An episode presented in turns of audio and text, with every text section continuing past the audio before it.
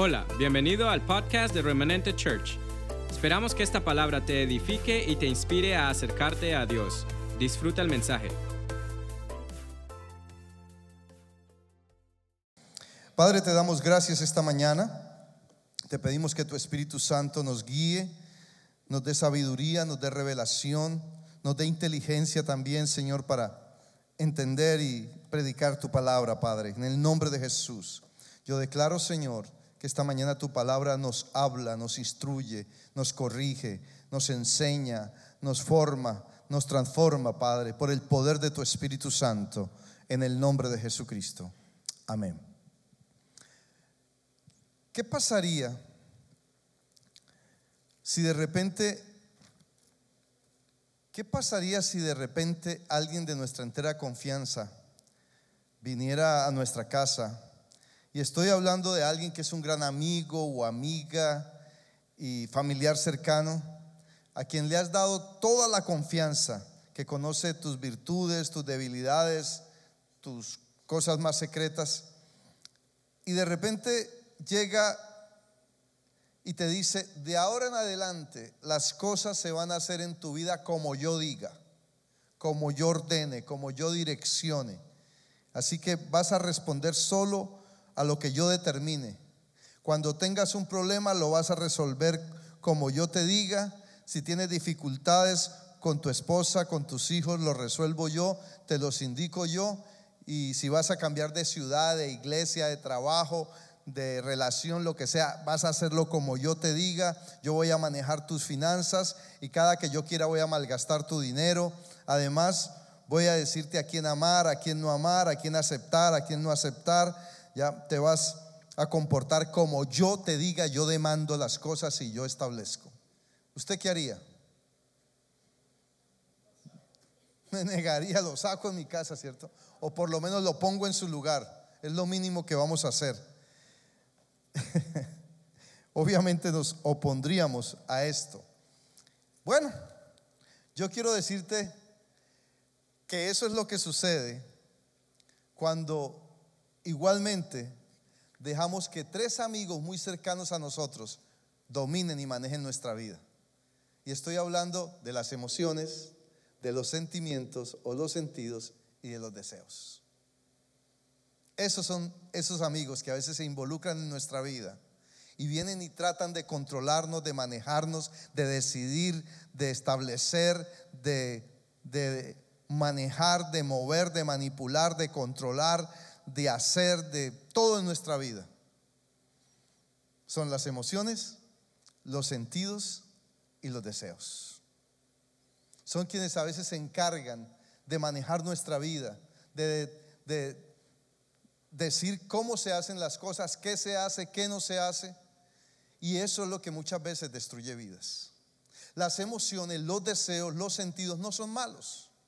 Dios nos los dio como parte de nuestra estructura biológica, emocional del alma. Pero cuando no se tiene un conocimiento claro, cuando no entendemos el papel que ellos juegan en nuestro ser, terminan trayendo una hegemonía sobre nuestra vida. Hoy voy a hablar de rompiendo la hegemonía de las emociones. ¿Por qué? Porque yo veo que hoy por hoy muchas de las cosas que suceden a nivel social, a nivel de gobierno, a nivel financiero, a nivel familiar, a nivel personal, está controlado por las emociones, por un mal manejo de las emociones. Lo vemos, la gente tiene una emoción y cómo la desfoga. Reacciona en Twitter, en WhatsApp, en Facebook, en Instagram y en todas las redes sociales. ¿Y qué es lo que se manifiesta ahí muchas veces irresponsablemente? La condición de mis emociones. Entonces, ¿por qué traer un mensaje de estos a, la iglesia? Porque es importante que la iglesia entienda que la iglesia tiene que ser la primera conocedora de cómo nuestra estructura emocional afecta nuestro crecimiento espiritual. Cómo la hegemonía que las emociones ejercen. Ahora, ¿qué es hegemonía? ¿Qué es la palabra hegemonía? Hegemonía es la supremacía, el dominio que ejerce un Estado o, o una situación sobre otra, una condición sobre otra una influencia, una superioridad. Eso es hegemonía. Entonces, cuando hablamos de la hegemonía de las emociones, estamos hablando de algo que viene a ejercer un dominio, un control sobre nuestra vida. Viene a ejercer una supremacía, viene a ejercer eh, una, digámoslo así, una autoridad sobre mi vida, un poder sobre mi vida. Entonces necesitamos romper esa hegemonía que las emociones, los sentidos y los deseos a veces traen sobre nuestra vida e impiden que seamos asertivos, que seamos gente que, que caminamos en decisiones claras de nuestra vida. Las emociones a veces se tornan como el, el, común denominador de nuestras decisiones. Y necesitamos entender eh, eh, ¿Qué, papel juegan las emociones en nuestra estructura? Hay un desconocimiento total en el ser humano de lo que eso representa. ¿Por qué? Porque cuando hablamos de las emociones, de los deseos, de los sentimientos, estamos hablando de tres áreas importantes en nuestra vida. El área espiritual, el área emocional y el área física. Porque en todas tres tienen un acceso y tienen un dominio que pueden ser dañinos en nuestra vida. Y las emociones tienen que ver con los impulsos del alma. Es lo que el alma impulsa. Los sentimientos tienen que ver con los sentidos físicos. Los deseos tienen que ver con la, con la voluntad misma de nosotros.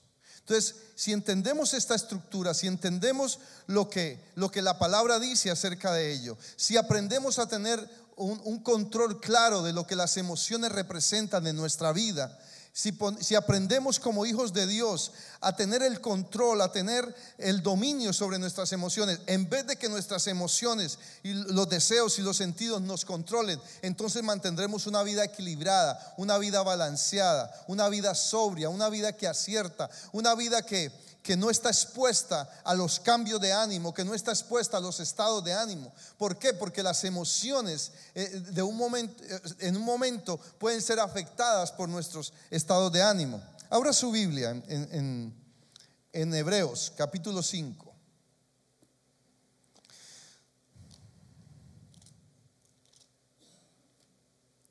Hebreos capítulo 5. Hace ocho días yo estuve hablando acerca de las fortalezas. Y estos son temas que voy a estar tocando. ¿Por qué? Porque me estoy dando cuenta cada día y en oración y en el caminar que, que nuestra estructura humana, al no entenderse, está afectando nuestra estructura espiritual. Que hay una desconexión entre el entendimiento humano de lo que somos, de cómo estamos estructurados y lo que somos espiritualmente. Y entonces a veces encontramos que hay una, oposición del uno al otro. Por eso es que mantenemos una lucha en el alma, en el cuerpo, en el espíritu, porque no nos alineamos, no, no entendemos cómo debemos estar alineados ante estas situaciones o, o al no entenderlo. Hebreos capítulo 5, versículo 11 dice, acerca de esto tenemos mucho que decir y difícil de explicar, por cuanto os habéis hecho tardos para oír. Porque ah, debiendo ser ya maestros después de tanto tiempo, tenéis necesidad de que os vuelva a enseñar cuáles son los primeros rudimentos de la palabra de Dios y habéis llegado a ser tales que tenéis necesidad de leche y no de alimento sólido. Y todo aquel que participa de la leche es inexperto en la palabra de justicia porque es niño. Pero el alimento sólido, y esto yo le hablo a ustedes como personas maduras, es para los que han alcanzado madurez para los que por el uso tienen que los sentidos ejercitados en el discernimiento del bien y del mal. Por tanto, a causa de que ya debemos estar adiestrados en el manejo de nuestros sentidos, de nuestras emociones y de nuestros deseos, entonces podemos darnos cuenta ¿Qué papel juega mi espíritu? ¿Qué papel juega mi alma? ¿Y qué papel juega mi cuerpo en mi diario vivir? En mis decisiones, en mi estilo de vida, en, en todo lo que hago, en todo lo que soy. Por tanto, dejando ya los rudimentos de la doctrina de Cristo, vamos adelante a la perfección, o sea, a la madurez. La palabra perfección ahí en el original es a la madurez. No echando otra vez el fundamento del arrepentimiento de obras muertas de la fe de Dios y de ahí para allá sigue. Ahora, primero que todo, quiero dejarte claro que, las emociones, que los deseos, que los sentidos no son malos. De hecho, la palabra nos, nos dice que Dios tiene emociones, Dios muestra emociones, pero no son las que rigen o no deben ser las que rigen nuestro ser. No deben ser quien tienen el dominio.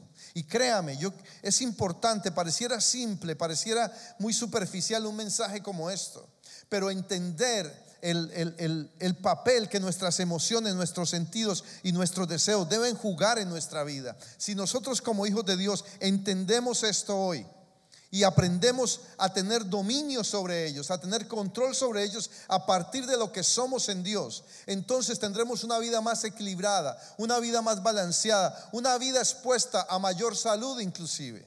Yo quiero que usted entienda esto, quiero explicarle algo. Cuando yo hablo de que las emociones están ligadas a lo espiritual, están ligadas a lo, a lo emocional y están ligados a lo físico, es porque en lo espiritual cuando nuestras emociones no están reguladas por Dios, cuando no están reguladas por el Espíritu, cuando no tenemos control sobre ellas, vienen a afectar nuestra vida espiritual. ¿De qué manera? Muchas veces tomamos decisiones o a veces dependiendo de nuestro estado de ánimo, asimismo determinamos la condición de nuestra fe. Si de pronto un día cualquiera yo amanezco, y te voy a explicar algo muy claro ahora, pero si de pronto un día yo amanezco como desanimado, como decaído, entonces mi fe es afectada. Caigo en un estado negativo. A veces eh, manejamos nuestra fe, nuestra confianza, nuestra seguridad, nuestra convicción basada en nuestro estado de ánimo. Y obviamente nuestro estado de ánimo siempre es afectado por las, por las emociones. A causa de eso, nuestros deseos van a responder al estado de nuestras emociones. ¿Por qué? Porque nuestros sentidos, que son, digámoslo así, los órganos visibles, los ojos, los oídos, el tacto, son, son sentidos que, que captan información. Si oímos algo que no nos gustó, afecta nuestras, nuestro sistema emocional.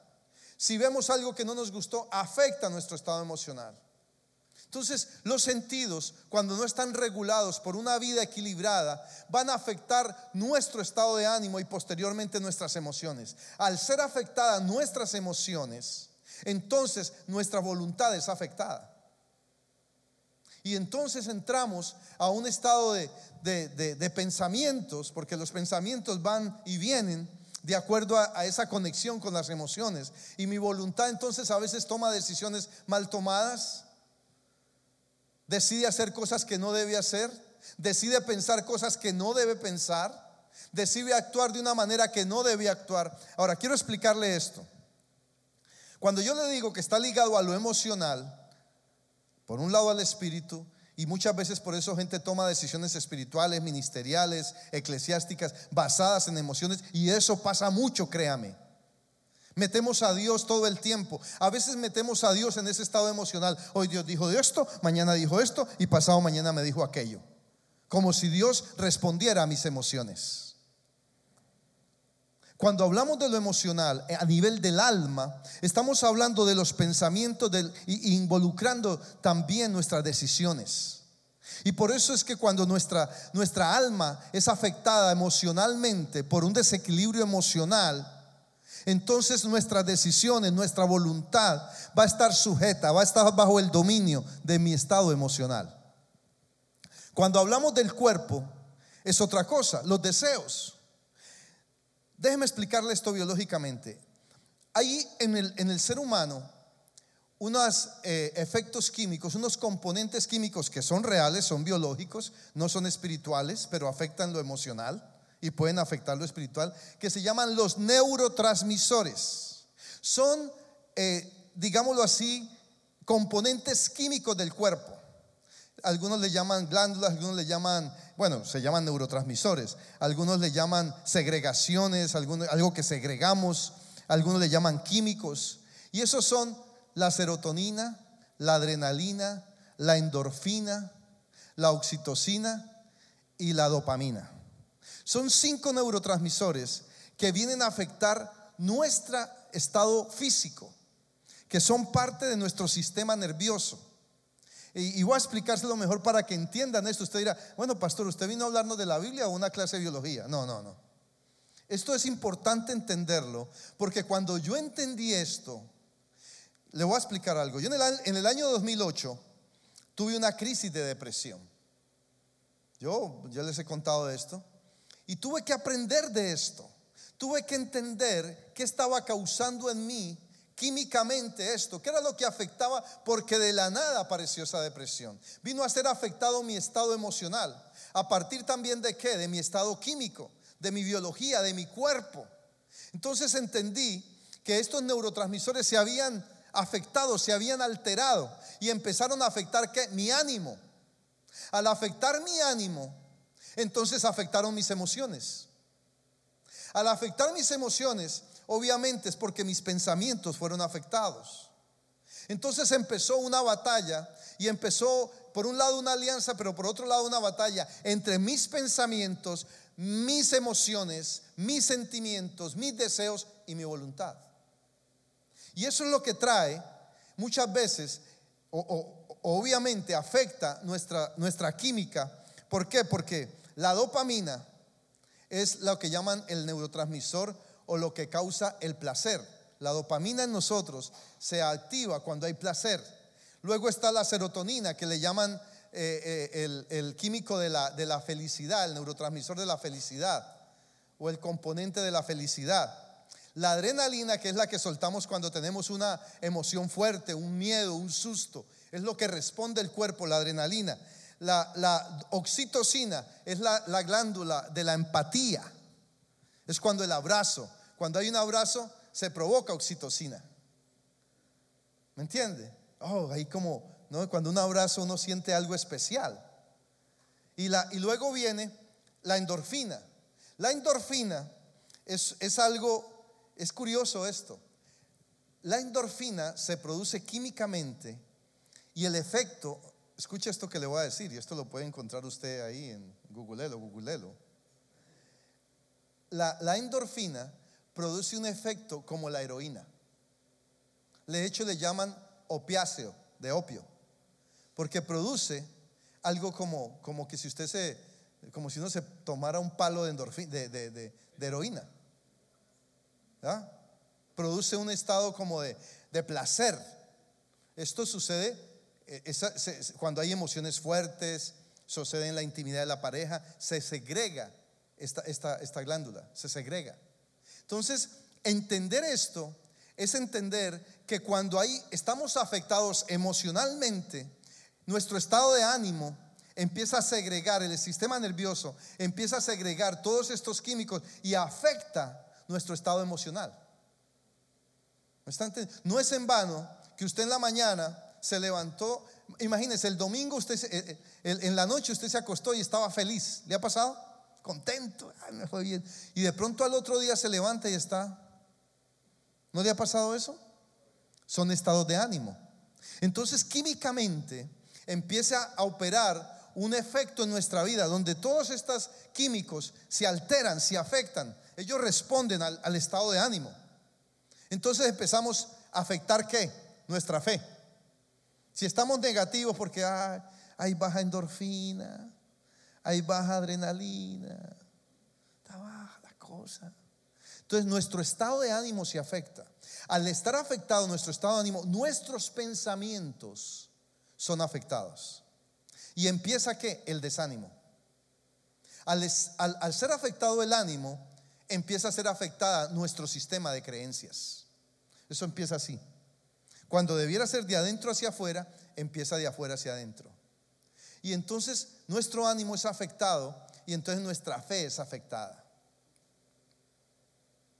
Estamos negativos. ¿No le ha pasado? Revísese, chúsese, porque si se pellizca y le duele es porque está vivo.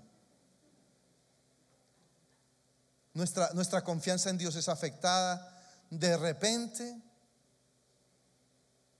¿Por qué? Porque hay estados químicos. Eh, perdone que me meta en esta área. Por ejemplo, la mujer. Cada mes la mujer vive un estado hormonal que afecta sus emociones, porque afecta su química. Ese estado hormonal y ese cambio hormonal mensual de la mujer afecta todos estos químicos. Entonces afecta el estado de ánimo. Al afectar el estado de ánimo, afecta las emociones. Al afectar las emociones, afecta su estructura del alma. Cuando no entendemos esto. Y, si, si no controlamos esto, afecta nuestro estado espiritual. ¿Le hace sentido? Y son cosas que a veces no las reconocemos y de repente, ay, yo no sé qué me pasa, pero hoy me siento así. De la nada. Todo está bien, el esposo está bien, los hijos están bien, la economía está bien, la casa está bien, el trabajo está bien, la iglesia está bien, todo está bien. Ay, pero no sé qué me pasa, algo me pasa. ¿Por qué? Porque esto está siendo afectado. Entonces, ¿qué pasa? ¿Qué sucede? Empiezan nuestras emociones a ser afectadas. Y empieza a tomar una hegemonía sobre la mente, un dominio, un control. Y yo he recibido realmente fuerte en mi corazón traer esta palabra porque yo veo que hoy por hoy los seres humanos estamos cayendo bajo el dominio, bajo la hegemonía, bajo el control, bajo el poder de las emociones. Y son las emociones las que están determinando mi, presente y mi futuro. Son las emociones las que están viniendo, viniendo a tomar decisiones en momentos que no son apropiados, que no son propicios para tomar decisiones. Son las emociones las que están determinando en el ser humano qué es bueno y qué es malo y no los principios. Las emociones son agentes transmisores. Las emociones son agentes que responden a la condición de lo que somos, pero no son aquellos agentes que van a controlar nuestra vida. Pero está sucediendo. Y gente todos los días toma decisiones mal tomadas para posteriormente cuando la emoción cambia, entonces viene el arrepentimiento, que más que arrepentimiento se llama eh, eh, remordimiento, gracias. Se llama remordimiento. Entonces necesitamos entender esto. ¿Por qué? Porque si no, si no caminamos y como, como hijos de Dios no, no aprendemos a caminar, entendiendo esto, trayendo claridad y rompiendo ese control, entonces posteriormente nuestra vida se va a ver dominada, se va a ver eh, expuesta a circunstancias, a cambios de ambiente, a cambios de situaciones, a cambios en las personas. Cuando esto, cuando estamos tan sujetos, tan esclavizados, sin reconocer lo que está operando en mi alma, entonces somos expuestos aún a los cambios de las personas. Cuando yo no tengo control de mis emociones, de mis sentimientos, de mis deseos, cualquier cambio en mi esposo o en mi esposa me va a afectar. Cualquier cambio en la iglesia me va a afectar. Cualquier cambio en, la economía me va a afectar. Y necesitamos entender cómo operan. Ya sabemos que somos espiritual, mi cuerpo. Podemos decir que cuando somos regidos por los principios, entonces estamos caminando una vida en el espíritu.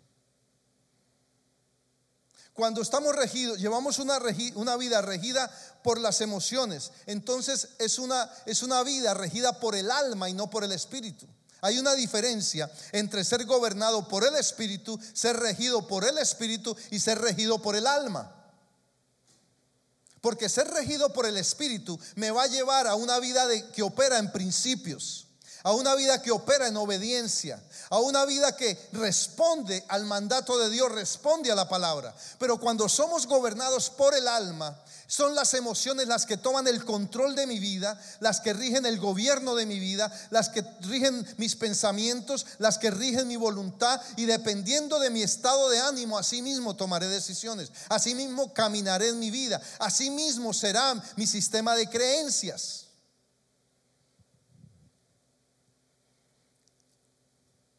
Igualmente, cuando nos movemos solo por los deseos, yo deseo, por eso es que uno dice, uno oye gente diciendo, es que yo digo lo que siento. Problema. Problema. Error. No decimos todo lo que sentimos. Eso no tiene nada que ver con sinceridad. Es que yo soy muy sincero. Yo soy una persona íntegra y sincera. Yo digo lo que siento. No, eso es tontería. Porque ¿quién me garantiza a mí que lo que estoy sintiendo es lo real? ¿Qué me garantiza a mí que lo que estoy sintiendo está basado en un principio? ¿Qué me garantiza que lo que mis emociones me están ordenando en ese momento es lo correcto? Igualmente, una vida regida por los deseos es una vida que solamente se mueve por los sentidos físicos, lo que el cuerpo le pide. Si le pidió un traguito, echémonos un palo. Si le pidió un cigarrillo, un surungo, hágale. Si le pidió pecar, vamos y pequemos. Entonces, ¿está entendiendo ahora? Una vida regida por el Espíritu es una vida por principios. Una vida regida por el alma es una vida regida por las emociones. Una vida regida por el cuerpo es una vida regida por los deseos. Tres, tres amigos que viven ahí, pero son más enemigos que amigos.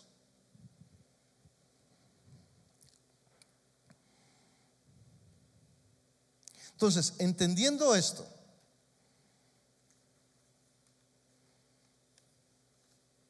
es realmente como hijos de Dios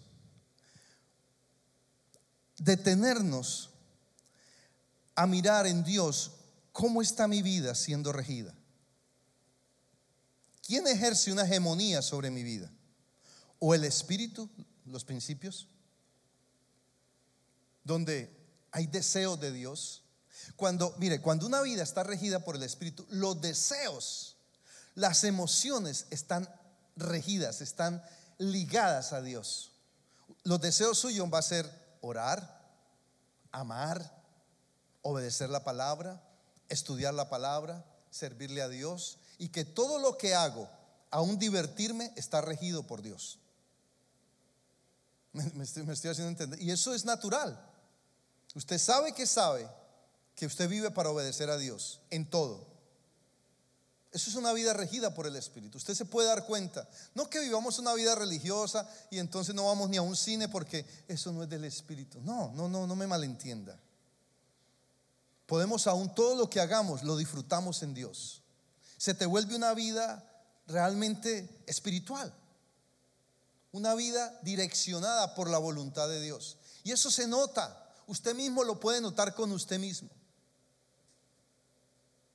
Le dan ganas de orar, no tiene que esforzarse.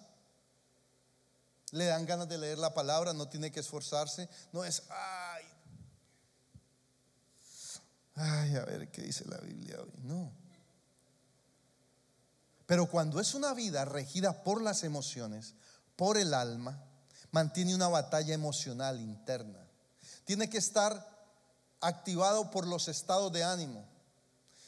Si quiere leer la Biblia, tiene que esperar que se sienta cuando me den ganas.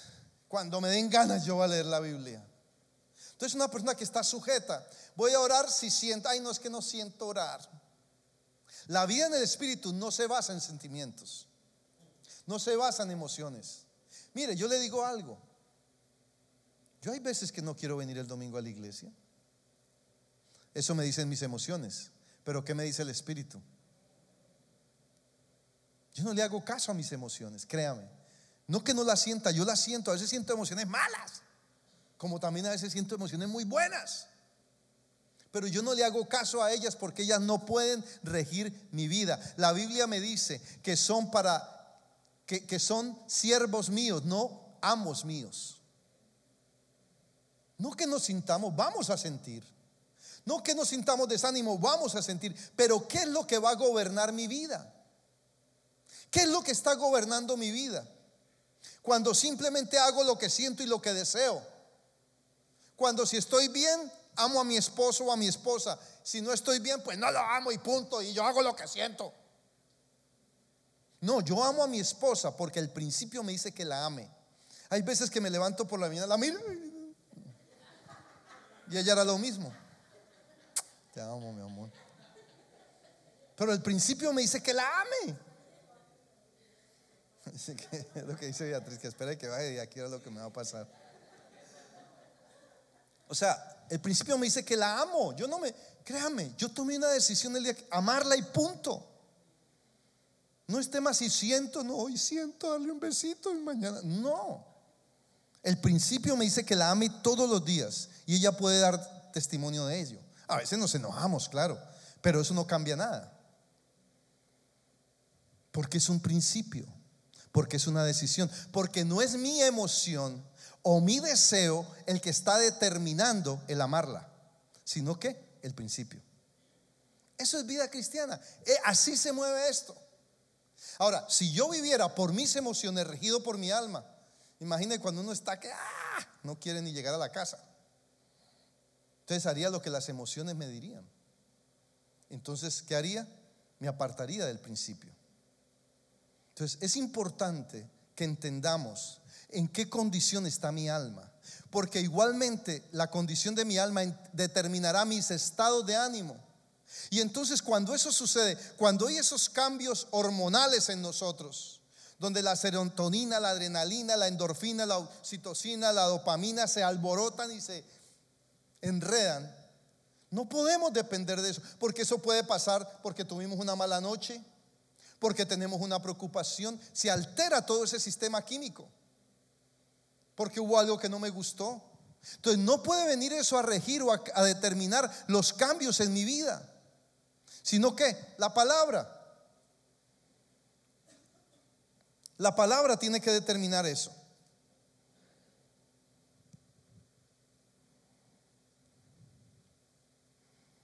Y, esto va más allá todavía. Porque cuando yo vivo regido por las emociones, soy lo que se llama una persona almática. O sea, vivo dependiendo del alma. Y el alma tiene cambios todo el tiempo. Porque el alma incluye los pensamientos y pensamientos pasan por nuestra mente todo el tiempo. Entonces eso nos lleva a, a cambios. Y si yo no tengo una vida realmente eh, eh, dominada, por decirlo de esa manera, por el Espíritu, esos cambios mentales me llevarán a cambios emocionales, a cambios de deseos, a cambios de pensamientos, a cambios de decisiones, a cambio de estado de ánimo y afectan mi vida diaria. Yo constantemente yo digo personas, no, es que yo voy a hacer lo que siento, lo que diga el corazón. Si la Biblia me dice que engañoso es el corazón, ¿ah? entonces ¿qué esperanzas?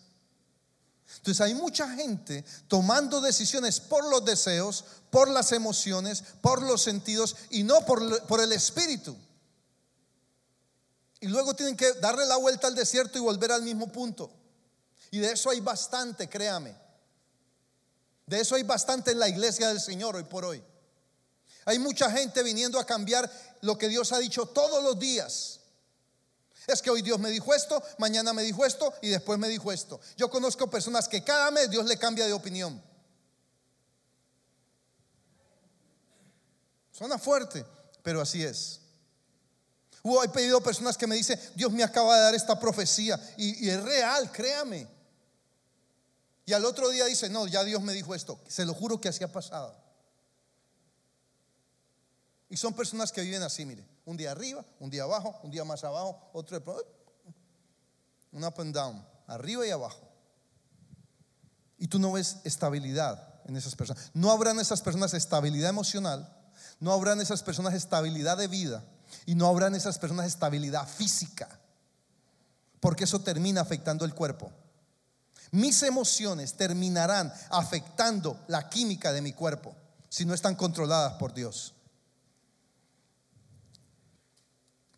Y a, esto se le añade mucho más. Yo cuando hablaba hace ocho días acerca de, las fortalezas, estaba hablando de que todo esto, el, no control de las emociones, el no control en Dios de los sentidos, de los deseos, traerán un desorden en mi vida que me irán acorralando y por eso uno ve personas inconstantes, emocionales. La Biblia dice en Santiago 1.8, dice que el hombre de doble ánimo es inconstante en sus caminos. ¿Por qué? Está hablando de personas. Doble ánimo quiere decir dos estados de ánimo. Simple. Dos estados de ánimo. Uno se encuentra con personas que tiene dos, tres y cuatro estados de ánimo en el día. ¿Por qué? Porque las emociones rigen su vida. Entonces es como un termómetro. Si las emociones suben, usted lo verá arriba. Si las emociones bajan, usted lo verá down, lo verá tirado en el piso. Entonces ahí es donde vienen los estados de depresión. La depresión viene cuando hay, un, hay, hay una... Eh, primero empiezan algo químico. Cuando hay algo, un descontrol en todo esto que le decía. Y termina afectando nuestra alma, nuestros sentidos. La depresión no es más que la debilidad de las emociones y los sentidos. ¿Sí o no? Porque ¿qué hace sentir la depresión? No sé, es que siento que algo va a pasar, es que algo me va a pasar. Eso es la depresión. Te sientes solo, te sientes bajo, te sientes mal, te sientes que algo te va a suceder, tienes miedo, tienes pánico. ¿Por qué? Porque tus emociones te llevaron a esa condición y afectaron tu estado nervioso, tu sistema nervioso y obviamente afectas todas tus hormonas, todo tu, sistema químico. Empieza una descomposición, eso ataca la, adrenalina y ellos están, fuimos creados para que éstas mantuvieran un balance. Pero cuando eso viene, ¿qué sucede? La adrenalina se dispara, la serotonina, que es la que me da el equilibrio, está, escasa. La endorfina, que es la que me da la fuerza y esa ganas y, ese placer y ese sentirme bien, se vino abajo. Entonces, afecta mi cuerpo. Y nosotros se lo, ¿qué hacemos? Se lo, eh, le damos el crédito a que, a que algo está sucediendo. Eso es el diablo. Entonces, algo que en un momento dado empezó como una condición química, la terminamos llevando a una condición espiritual. Porque obviamente el enemigo va a tomar control de ello. Cuando yo dejo que mis emociones tomen el control, me estoy abriendo a que el enemigo tome el control. Porque termino caminando, ¿por qué? Por los deseos. Necesitamos entender esto. Y, si yo termino siendo una persona, o soy una persona que termino moviéndome por las emociones, entonces voy a tomar decisiones de, acuerdo a mis propios argumentos. Porque mi alma activa mis sentidos físicos. Pero si yo soy una persona que me muevo por el espíritu, entonces voy a tomar mis decisiones basadas en los principios, aunque mis emociones me digan lo contrario. Las emociones nos van a decir de todo. Las emociones nos mienten. Los sentidos nos hacen sentir cosas que uno dice, uy, esto es Dios, aunque sea pecado. Y eso pasa todo el tiempo. Necesitamos romper esa hegemonía. Necesitamos romper ese, ese, ese, ese dominio, ese doble ánimo que las emociones vienen a ejercer sobre mi vida. Porque la persona que tiene control de sus emociones, camina en principios, se mantiene firme, independientemente de lo que siente.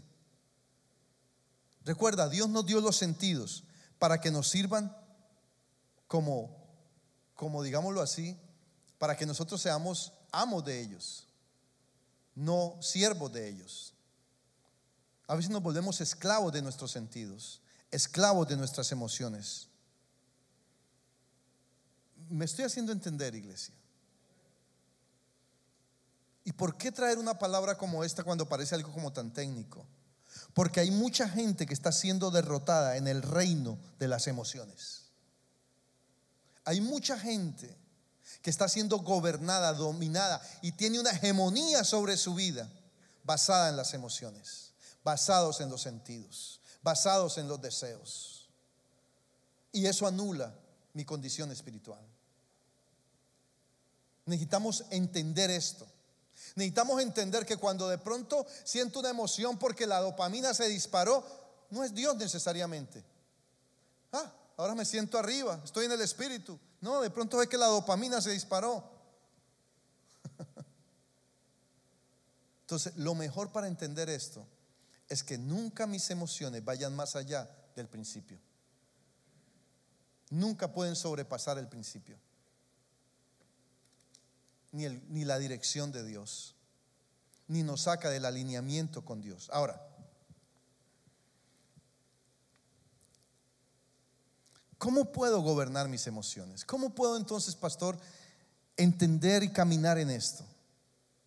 Primero entiende algo, tú eres un ser espiritual.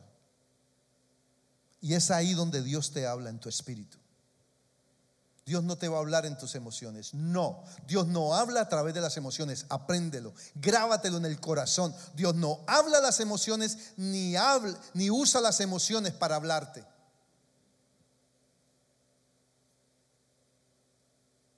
Dios habla al espíritu. Dios no habla al alma. ¿Cómo funciona? Dios habla a mi espíritu y mi espíritu le habla a mi alma y mi alma debe controlar mis emociones. Si no hay control de mis emociones en mi alma, estoy esclavizado. Porque serán las emociones las que gobiernen, las que dominen, las que me llevan a, las emociones a veces son tan fuertes que nos impiden luchar por lo correcto. Hay gente que dice, no, yo ya no doy más, yo hasta aquí llegué y ya no más y ya no más. ¿Qué me dice el principio? El principio me dice que luche hasta que se vuelva principio. Porque mucha gente está siendo destruida por la decisión de sus emociones. Familias, matrimonios, negocios, ministerios, vidas, relaciones están siendo afectadas directamente por la hegemonía, el control, el dominio de las emociones. Hay gente esclava de sus emociones. Hay gente que dependiendo de lo que sienta, así se siente. Valga la redundancia. Dependiendo de sus sentimientos, así su estado de ánimo. Dependiendo de sus emociones, así su estado de ánimo. Usted no se encuentra con personas que, ay, un día están arriba, otro día, ay, pues, mejor dicho. Entender esto nos hace mejores hombres, mejores mujeres, mejores esposas, mejores esposos. Es entender el estado del otro también.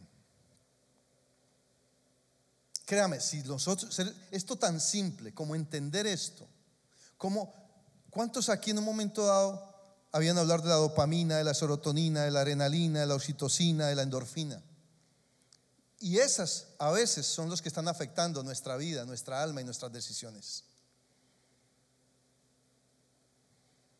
un disparo de, endorfina, me hace sentir todo que estoy, que me gano el mundo. Tírenme lo que quiera, que aquí estoy. Pero de pronto viene un susto, un este de, de adrenalina y hay un descontrol. Y mucha gente, por eso es que usted hoy, hoy hay un término que dice, hmm, esta persona es bien hormonal. ¿No ha oído ese término? Es esto. Realmente tiene razón. Eh, sus hormonas le están ganando la batalla. Ahora, ¿qué tengo que hacer?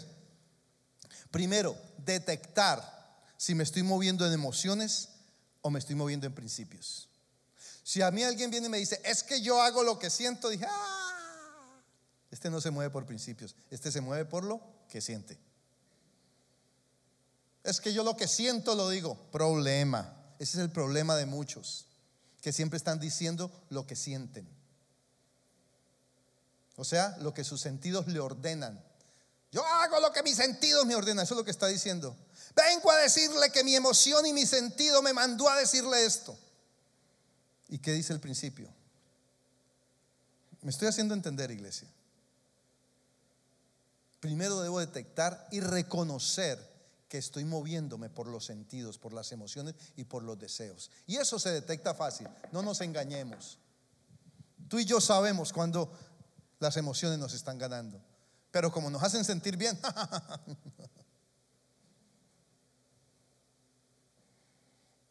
ser honesto conmigo mismo. Nadie puede ser más nadie puede ser más engañado que el que se engaña a sí mismo. Escucha esto. Necesitamos cambiar nuestra manera de pensar. Porque si nuestra manera de pensar no cambia, no cambiarán los resultados. Póngala en Facebook. Si mi manera de, de, pensar no cambia, no cambian mis resultados. Seguiré siendo el mismo. Entonces, lo primero, debo detectar que me estoy moviendo en emociones. Detéctalo. Eso es fácil. Que la endorfina, que la adrenalina, que esas son buenas, esas están ahí para nuestro beneficio, no me malentienda.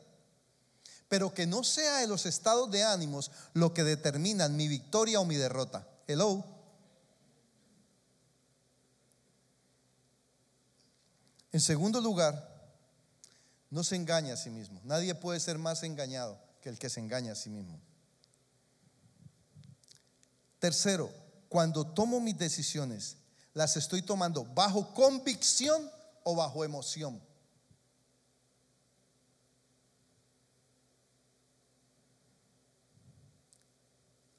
¿Cuándo detecto que no es emoción?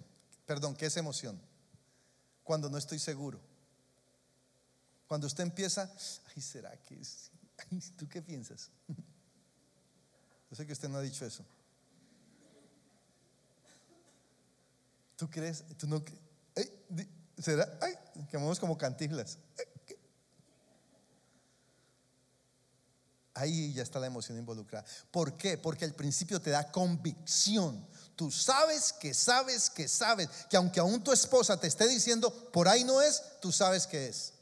Bueno, hay momentos que hay que escucharlas, obviamente, todos los tiempos, pero hay momentos a veces que la esposa no sabe qué decirte.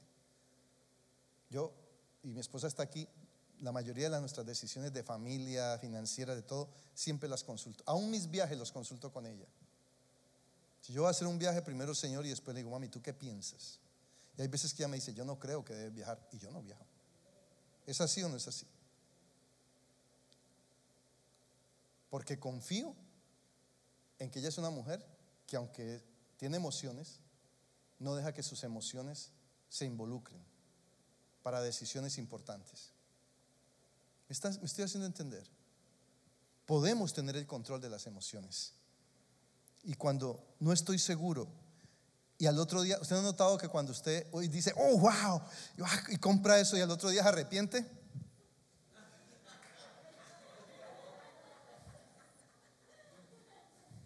Ahora me entiende. Emociones.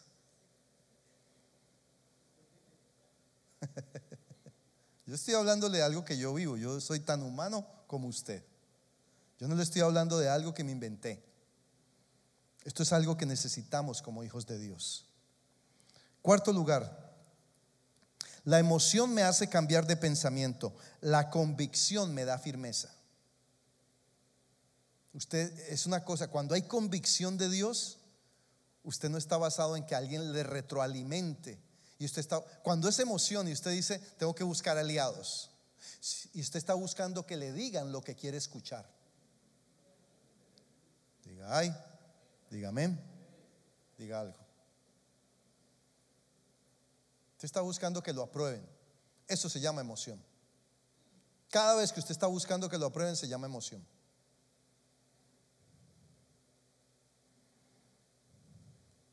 Y esa convicción siempre me va a llevar a obedecer la palabra.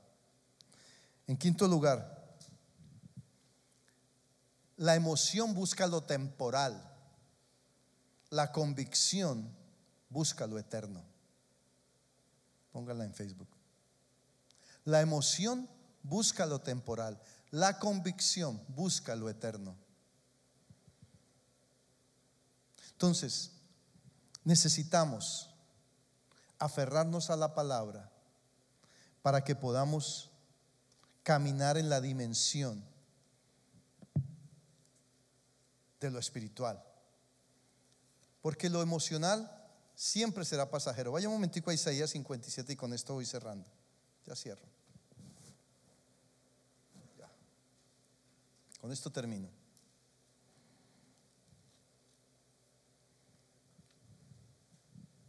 Porque así dijo el alto y sublime, el que habita la eternidad y cuyo nombre es el santo. Yo, habito en la altura y la santidad y con el quebrantado y humilde de espíritu, para hacer vivir el espíritu de los humildes y para vivificar el corazón de los quebrantados, o sea, de los que están down, los que están decaídos. Porque no contenderé para siempre, ni para siempre me enojaré, pues decaería ante mí el espíritu y las almas que yo he creado. Aquí está hablando de todo el Señor. Por la iniquidad, Isaías 57, 15 al 19. Por la iniquidad de su codicia me enojé y le herí. Escondí mi rostro y me indigné. Y él siguió rebelde por el camino de su corazón, o sea, de sus emociones. Hello. He visto sus caminos, pero le sanaré y le pastorearé y le daré consuelo a él y a sus enlutados. Produciré fruto de labios, paz, paz al que está lejos y al cercano, dijo Jehová, y lo sanaré. Necesitamos romper la hegemonía de las emociones. Tú has sido creado para partir de tu espíritu. Para que sea tu espíritu con base en los principios quien dirija tu alma. Cuando nuestra alma, escúchame, es regida por el espíritu, por los principios, por la palabra, las emociones se van a disfrutar.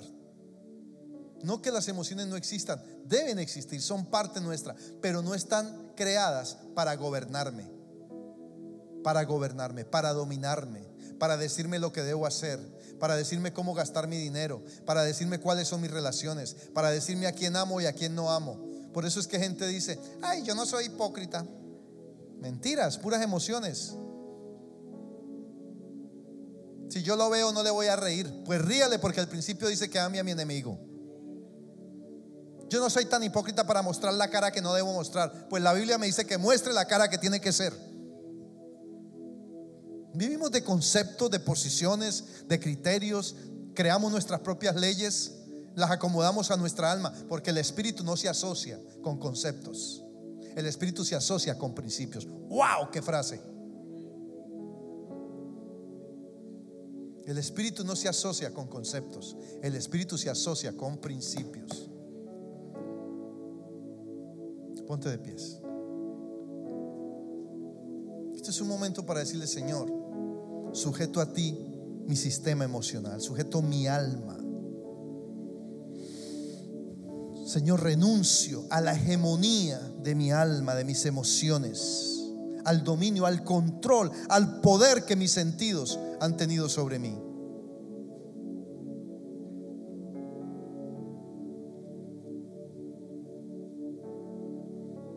Aleluya, Padre. Venimos delante de ti esta mañana. Reconocemos que necesitamos de tu Espíritu, de tu presencia. Sometemos a ti toda nuestra estructura del alma, nuestras emociones, nuestros deseos, nuestros sentidos, Señor. Glorioso es tu nombre, Señor. Glorioso es tu nombre. Bendito es tu nombre, Señor. Dígale, Señor, yo someto a ti mi sistema emocional bajo tu señorío. Señor, yo declaro que mis sentidos se convierten en siervos míos, no en mis amos. No serán más mis amos. En el nombre de Jesús rompemos toda esclavitud que las emociones y los sentidos han traído sobre nosotros. Aleluya, Señor. Esperamos que este mensaje haya sido de bendición. No te olvides de suscribirte a nuestro podcast y seguirnos en Facebook e Instagram arroba remanente church.